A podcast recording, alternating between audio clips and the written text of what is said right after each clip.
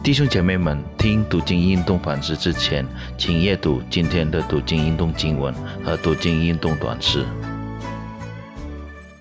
亲爱的弟兄姐妹们，平安！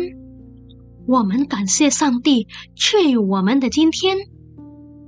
我们也可以通过读经运动来思想上帝的话语。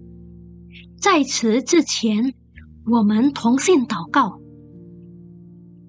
亲爱的天父上帝，现在我们要阅读，要思想你的话，求主帮助我们。愿我们不仅能阅读和听到上帝的话语，而且能够做到。这是我们奉主耶稣基督证明的祷告。阿门。今天我们要思想马太福音。第二章，我阅读第八到第十三节，就差他们往伯利恒去，说：“你们去仔细寻访那小孩子，寻到了就来复信，我也好去拜他。”他们听见王的话，就去了。在东方所看见的那星，忽然在他们前头行，直行到小孩子的地方，就在山头停住了。他们看见那星，就大大的欢喜。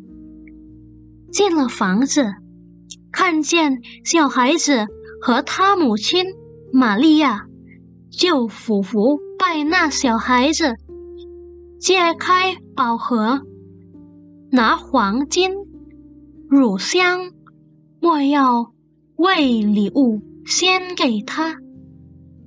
博士，因为在梦中被主指示不要回去见西利，就从别的路回本地去了。他们去后。有主的学者向约瑟梦中显现，说：“起来，带着小孩子同他母亲逃往埃及，就在那里等我吩咐你，因为希利必寻找小孩子，要除灭他。那些阅读思想。”和实践上帝的话语的人，正是有福。今天我们思想的主题是：上帝成为人子。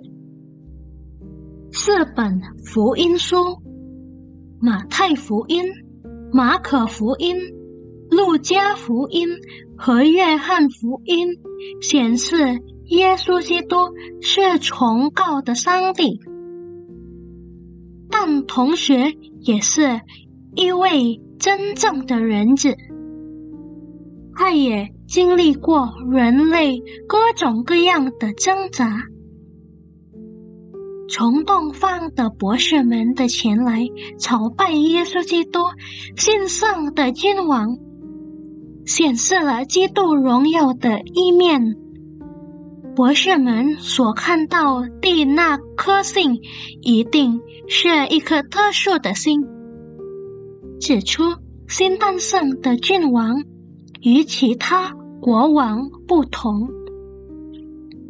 这就是为什么他们要从很远的地方前来，随身带着三件礼物：黄金、乳香。和墨药作为贡品，怎么要用黄金、乳香和墨药呢？因为黄金是通常献给国王的贡品，乳香是一种通用供奉神的香味，然后墨药是。犹太人并将学子学通常使用的香料，因此博士们带来的三种贡品，间接实相耶稣是君王，是上帝，也是为这罪人降生而死的救赎主。上帝的引领只是那朝拜耶稣基督的博士们不要返回耶路撒冷，不按照希律的要求向他报信关于耶稣基督的下落，以及上帝命令约瑟带着他的家人逃往埃及去，显明耶稣基督身为人只是软弱的。他不得不逃避那想除掉他的希律王。如果耶稣基督坚持与上帝同等，他肯定能下令他的众天使除掉希律，那他就不需逃亡到埃及去了。然而，耶稣基督选择了。顺服上帝的旨意，他相通向十字架的道路。耶稣基督的神性和人性，在基督教神学中是非常重要的。基督无罪的人性，让他可以顶替罪人的位置，来承受上帝的惩罚。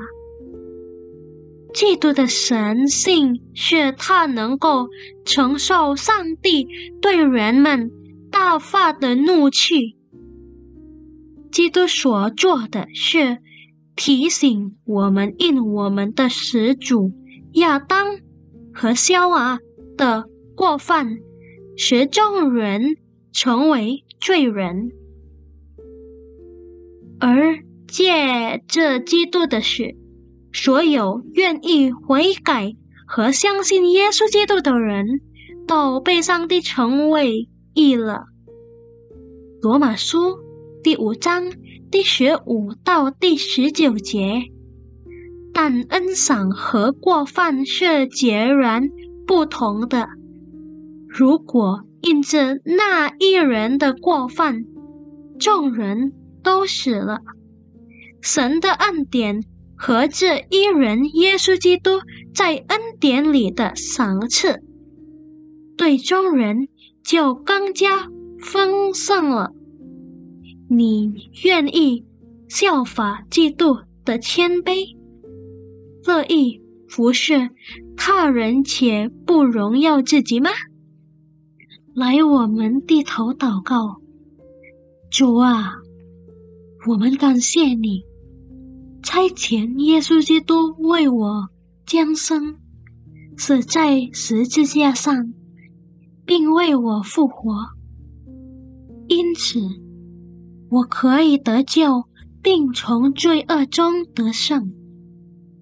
主啊，帮助我们，使我们能为你而活。